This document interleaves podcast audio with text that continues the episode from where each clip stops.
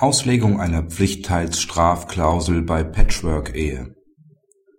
Bringt jeder Ehepartner in eine Patchwork-Ehe jeweils eigene Abkömmlinge mit und haben die Ehegatten ein gemeinschaftliches Testament mit einer Strafklausel errichtet, kann diese Klausel zugunsten der Stiefkinder, die zunächst den Pflichtteil verlangt haben, dahingehend auszulegen sein, dass sie nach dem Tod des Stiefelternteils mit einem Geldvermächtnis in Höhe des fiktiven Pflichtteils nach dem Stiefelternteil bedacht sind. Die Ehefrau brachte zwei Kinder, der Ehemann ein Kind in die neu geschlossene Ehe mit. Die Ehegatten setzten sich per gemeinschaftlichem Testament wechselseitig zu befreiten Vorerben und alle drei Kinder zu Nacherben zu gleichen Teilen ein. Die Kinder wurden als unsere Kinder ohne weitere Differenzierungen ihrer Abstammung in der letztwilligen Verfügung bezeichnet in das Testament wurde eine Pflichtteilsstrafklausel dahingehend aufgenommen, dass diejenigen Kinder, die nach dem Tod ihres Elternteils den Pflichtteil verlangen, nach dem Tod des Letztversterbenden wiederum nur den Pflichtteil erhalten sollten. Die beiden Abkömmlinge der Ehefrau machten nach deren Tod den Pflichtteil geltend und erhielten diesen. Nach dem Tod des Stiefvaters war streitig, wie die Pflichtteilsstrafklausel auszulegen ist, insbesondere ob den beiden Abkömmlingen der Ehefrau gegen den Erben hieraus ein weiterer Anspruch zustand, da alle Abkömmlinge der Eltern zu Nacherben berufen waren.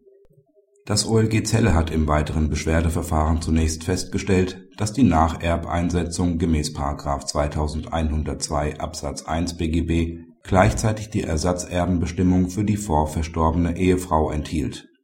Die gegenseitige Erbeinsetzung der Ehegatten war wechselbezüglich die Nacherbeinsetzung der Kinder war von den Ehegatten davon abhängig gemacht, dass die Kinder die für den ersten Erbfall getroffene Regelung hinnehmen.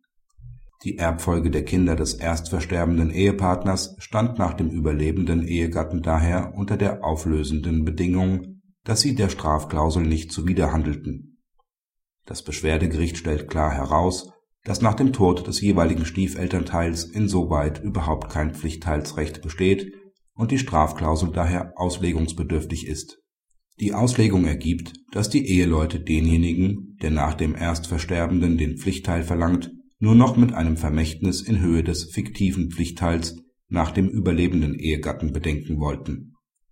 Die Testierenden haben unter dem verwendeten Begriff Pflichtteil ein Geldvermächtnis in Höhe des rechtlich nicht gegebenen Pflichtteils verstanden diese Auslegung knüpft am Wortlaut des Testaments an, wonach die Kinder nur den Pflichtteil nach dem Letztversterbenden erhalten und zu gleichen Anteilen als Nach und Ersatzerben eingesetzt waren.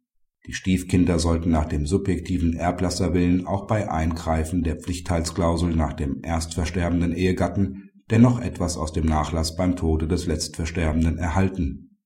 Um dies zu erreichen, sollten die Kinder wie Abkömmlinge des Stiefelternteils behandelt werden wie sich aus dem Gesamtinhalt des Testaments erschließt. Um diesen Pflichtteilsvermächtniswert zu berechnen, ist daher der Nachlass des letztversterbenden Elternteils zugrunde zu legen, da die Ehegatten ihre Vermögen getrennt vererbt haben. Nur die Annahme eines solchen Vermächtnisses erreicht diesen Erblasserwillen. Da die Abkömmlinge der vorverstorbenen Ehefrau die auflösende Bedingung ausgelöst haben, als sie den Pflichtteil nach deren Tod erhielten, sind sie nicht Erben des Erblassers geworden. Die Strafklausel greift daher mit der vorgenommenen Auslegung ein, so dass diese Abkömmlinge noch einen Anspruch auf ihr Vermächtnis in Höhe des allerdings rechtlich nicht gegebenen fiktiven Pflichtteils haben. Praxishinweis Die Entscheidung ist von erheblicher praktischer Bedeutung. Pflichtteilsstrafklauseln werden in ihrem Inhalt von Nichtjuristen in Laientestamenten häufig verkannt.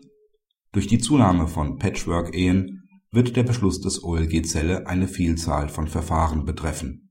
Auch wenn rechtlich ein Pflichtteil der Stiefkinder nicht besteht, muss der erbrechtliche Berater künftig darauf achten, in diesen Testamenten aufgenommene Pflichtteilsstrafklauseln nicht leichtfertig zu übergehen, sondern als Geldvermächtnis in Höhe eines fiktiven Pflichtteils auszulegen